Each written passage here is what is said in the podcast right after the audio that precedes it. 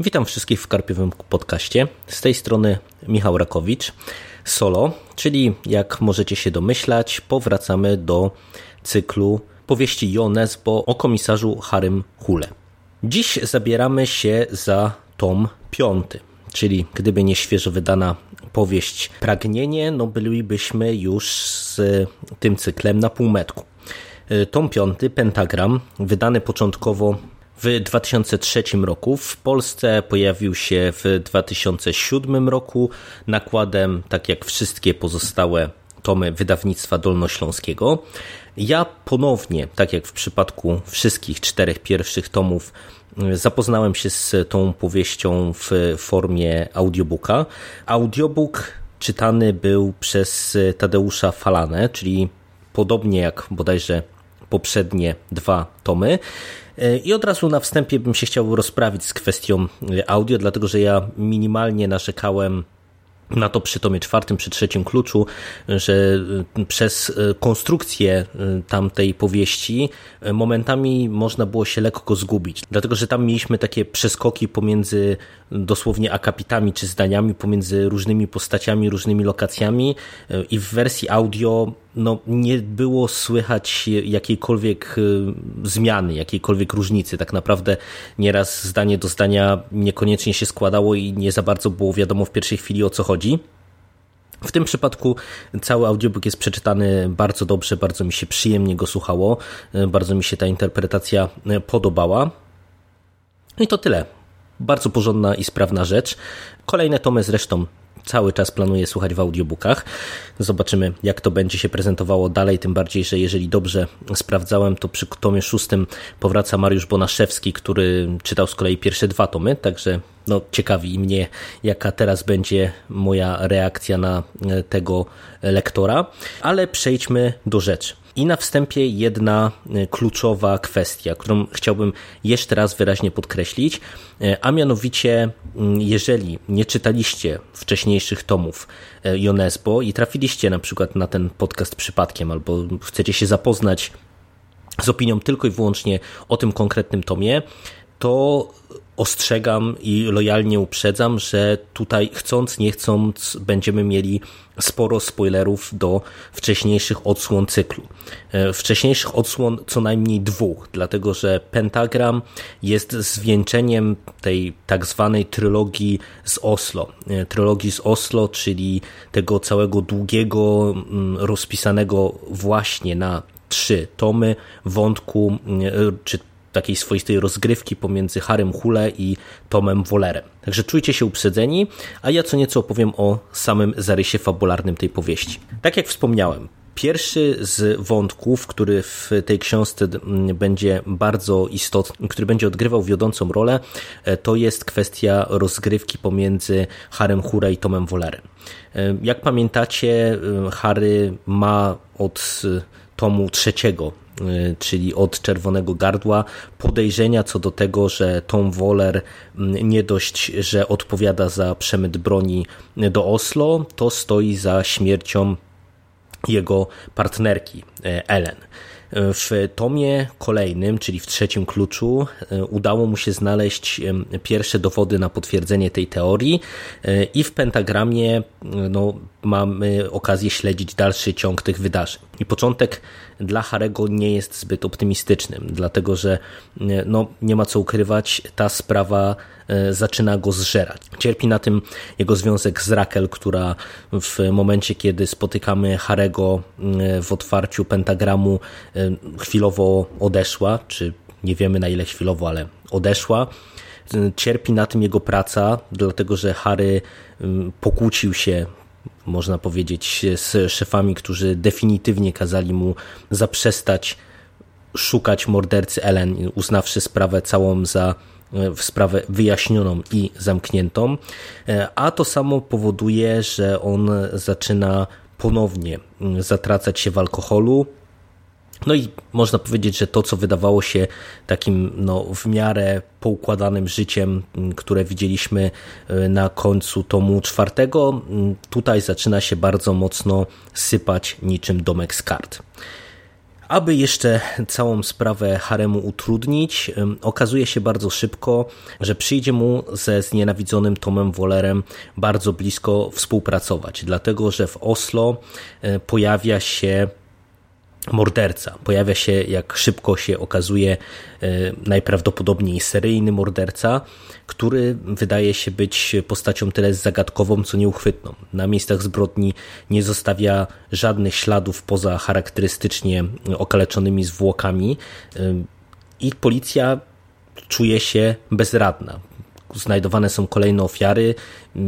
Wydaje się, że nic tych postaci nie łączy śladów y, brak, y, a policja boryka się z okresem urlopowym, no i chcąc nie chcąc, y, w związku z brakami kadrowymi tworzy się nam taki bardzo, bardzo nietypowy duet, czyli Tom Waller, który ma to śledztwo osobiście prowadzić oraz dokoptowany do niego Harry Hule, który w związku ze swoim problemem alkoholowym, w związku z całą sprawą Ellen i i w związku z tym, jak bardzo się posypał, no to ma być jego ostatnia sprawa przed y, wyrzuceniem no, niejako y, z policji w Oslo. I taki jest punkt wyjścia. I te dwie sprawy stopniowo zaczynają się coraz bardziej zacieśniać. I od razu przyznam, że Pentagram podobał mi się dużo bardziej niż dwie poprzednie powieści. Jest to pozornie książka, której ja już się spodziewałem, czyli bardzo precyzyjnie skonstruowana intryga, przenikające się wątki, drobne elementy rzucane na samym początku, tylko że tylko po to, aby powrócić gdzieś tam w finale e, całej historii. No ale tak jak mówię, do tego y, Nesbo szybko mnie przyzwyczaił, bo poza mm, człowiekiem nietoperzem, który był pod tym kątem mm, no, powieścią średnio udaną, y, no to jednak już te kolejne książki, nawet jeżeli ja miałem jakieś problemy z samą intrygą, no to pod kątem takim warsztatowym, pomysłowości y, i realizacji zamysłu autora wypadało to bardzo dobrze. Tutaj wypada to wyjątkowo dobrze, dlatego że e, obydwa te wątki główne są w mojej ocenie e, bardzo ciekawie i umiejętnie prowadzone. E, z jednej strony ta sprawa pomiędzy Harem Hule i Tomem Wollerem, ona nabiera w końcu mm, szybszego biegu. E, dlatego, że w trzecim kluczu teoretycznie te wątki gdzieś były sygnalizowane, one się w, w jakimś mniejszym lub większym stopniu pojawiały, e, natomiast to był tylko taki trzecioplanowy wątek. I trochę y, ja nie rozumiałem, dlaczego w ogóle w tamtej powieści zostało to dokoptowane, dlatego że potencjalnego czytelnika, który no, sięgnąłby po taki trzeci klucz, nie wiedząc, że ma do czynienia z y, tak naprawdę środkowym tomem trylogii, y, no to by to mocno wybijało z rytmu, mógłby się poczuć zagubiony, a z kolei tego było na tyle niewiele, że teoretycznie można by to było zaserwować w samym pentagramie. Natomiast okazuje się, że Nesbo no, miały określony pomysł, jak to wszystko poprowadzić. I tutaj od momentu, kiedy ta sprawa z Wolerem zaczyna nabierać tempa, to ten wątek jest naprawdę mm, emocjonujący. E, tutaj ta rozgrywka jest ciekawa, jest wciągająca. Woler mm, okazuje się być nie tylko wymagającym e, rywalem i przeciwnikiem, ale nagle okazuje się, że tak naprawdę to mm, Tom Woller to jest tylko no, chciałem powiedzieć pionek, ale to może e, zbyt dużo powiedziane, ale to jest tylko jedna z postaci, z którymi Harry Hule będzie musiał się zmierzyć. Co więcej, Nesbo udało się bardzo fajnie ten e, wątek tej walki pomiędzy Harem a Tomem Wollerem wpleść w ten wątek e, pozornie główny, czyli w sprawę e, kuriera śmierci, jaki to przydomek e, nasz seryjny morderca otrzymał. I cała sprawa kuriera śmierci też jest bardzo interesująca i co najciekawsze, znów mamy podobny zabieg, jak mieliśmy w trzecim kluczu, czyli wydaje się, że cała historia znajduje zwieńczenie gdzieś w dwóch trzecich książki. No i w tym momencie ja sobie pomyślałem, ok, no to mm, mamy załatwionego kuriera śmierci, czyli rozumiem, że teraz ostatnie e, finałowe jedne trzecie książki to już będzie w pełne skupienie na wątku Wolera. No i tutaj zaskoczenie, bo mamy tutaj parę bardzo, bardzo dużych twistów fabularnych, które e, dla odmiany są super moim zdaniem. Dlatego, że ja narzekałem troszkę na to i w przypadku Czerwonego Gardła, i w przypadku trzeciego klucza, że niektóre zwroty akcji, niektóre pomysły na zaskoczenie czytelnika są tyleż bardzo efektowne, no bo naprawdę one są pomysłowe i potrafią zrobić wrażenie, ale niestety są też jednocześnie dosyć mocno niedorzeczne. Wymagają ode mnie jako czytelnika zawieszenia niewiary na dosyć dużym poziomie, dlatego że no, okazuje się, że nie wiem, splot wydarzeń, który tutaj prowadzi do konkretnych jakichś konsekwencji albo jakiś konkret, do konkretnego zwrotu akcji, no jest po prostu tak naciągany i tak Mm, powiedziałbym mało prawdopodobny, że to troszeczkę kole mnie w oczy. W tym przypadku mm, znów to zaskoczenie jest bardzo duże i teoretycznie mogło, mógłbym się czepiać podobnych rzeczy, czyli że znów mamy tutaj wszystko powiązane w taką misterną układankę, mm, która no, jest e, troszeczkę aż nazbyt misterna. Pozornie można tutaj mieć z tym problem, ale Nesbo to tak umiejętnie podał, tak fajnie e, nam zaprezentował, stworzył tak fajne postaci, i też tak dobrze to rozpisał pod kątem y, serwowania nam poszczególnych elementów, że ja y, uważam, że akurat w tym konkretnym tomie y, ten efekt zaskoczenia nie tylko udało mu się uzyskać, ale też było to nadzwyczaj satysfakcjonujące dla czytelnika. E, zanim przejdę do podsumowania wątku Toma Wolera, bo tu bym chciał e, powiedzieć też e, chyba dwa zdania spoilerowo, wyjątkowo, to chciałbym Wam zwrócić uwagę jednak na parę drobnych problemów, jakie ogólnie z tym tomem ja mam. Problem pierwszy to jest to, że Tutaj Nesbo jako autor nadzwyczaj precyzyjny, widać, że pewne mm, elementy tej historii chciał nam podać w konkretnym czasie, w konkretnym miejscu książki.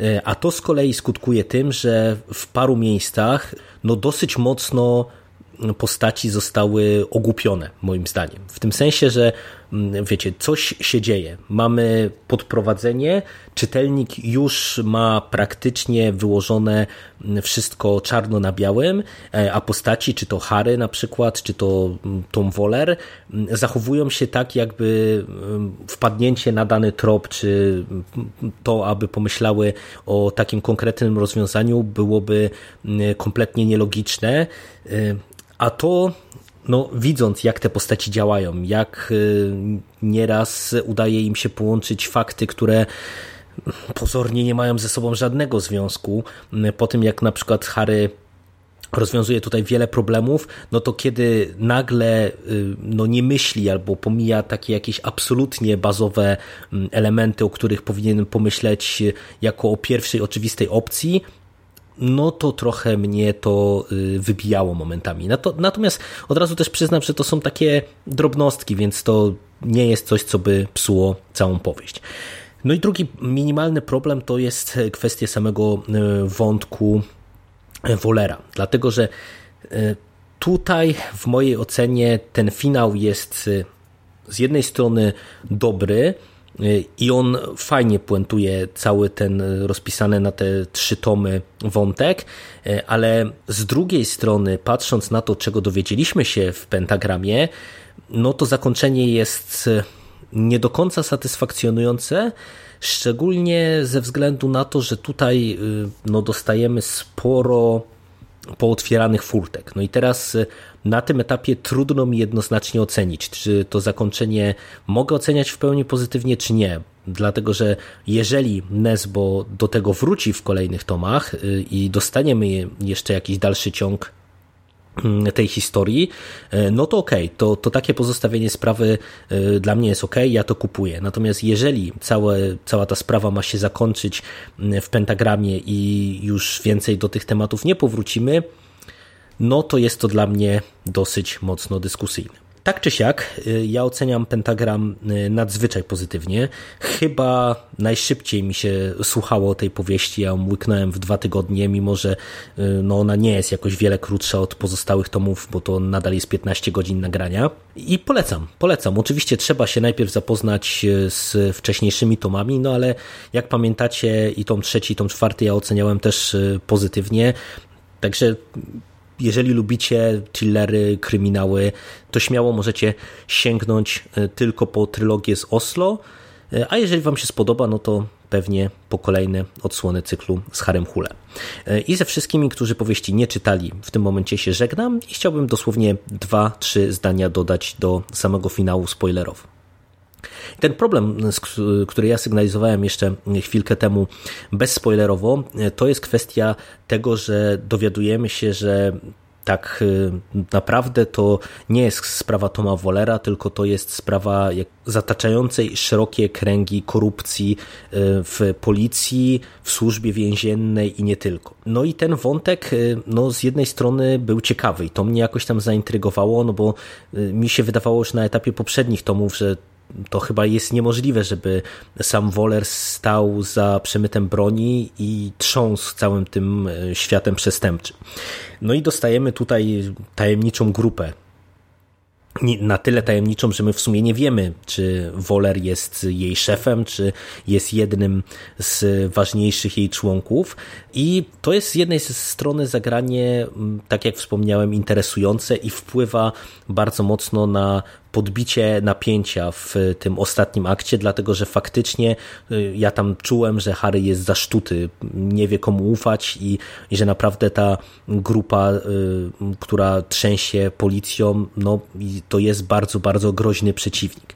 Natomiast y, patrząc z perspektywy zakończenia, kiedy to mm, sam Woler ginie, ale nie dostajemy żadnych informacji na temat tego, co się stało z y, członkami grupy i w sumie nie wiemy, czy tutaj jakieś śledztwo się będzie toczyło, a też otwarcie trzeba przyznać, że o takowe śledztwo no będzie trudno, no bo pytanie o dowody.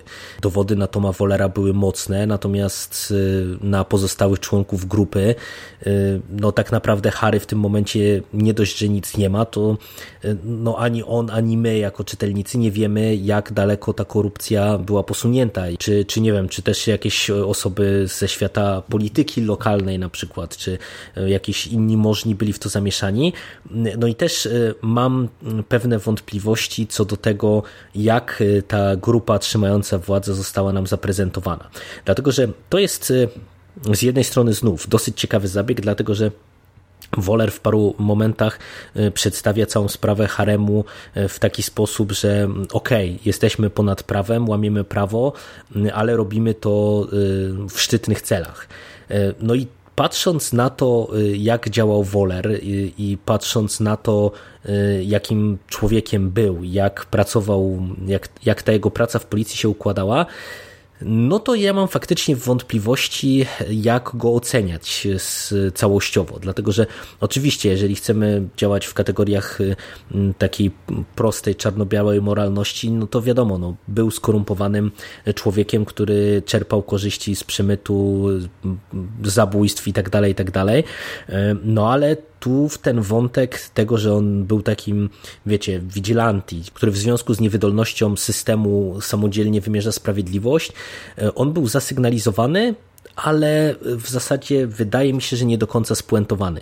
W tym sensie, że mm, okej, okay, mamy powiedziane dosyć jasno, że przecież te morderstwa, których Woler się dopuścił, no one miały zamaskować e, jego udział w całej tej grupie przestępczej, tak żeby Harry się nie płapał, że to on jest księciem, który szmugluje broń, e, ale mm, okej, okay, to w tym przypadku to działało tak, a nie inaczej. No ale czy ta grupa faktycznie na przykład pozbywa się jakichś tam ludzi niewygodnych, czy, czy, czy jak to działa? No bo wiecie, no Woler mimo wszystko był przecież mega efektywnym policjantem i to, że był kawałem gnoja, który no, był y, niemiłym, niesympatycznym y, facetem, który szedł po trupach do celu, y, no to jakby nie wykluczało tego, że pod kątem roboty policyjnej, no to widzieliśmy, że on naprawdę robił to, co robił dobrze.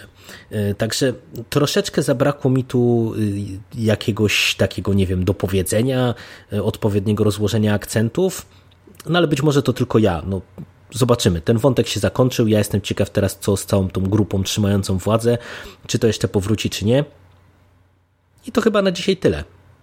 Dzięki bardzo i do usłyszenia wkrótce. Cześć.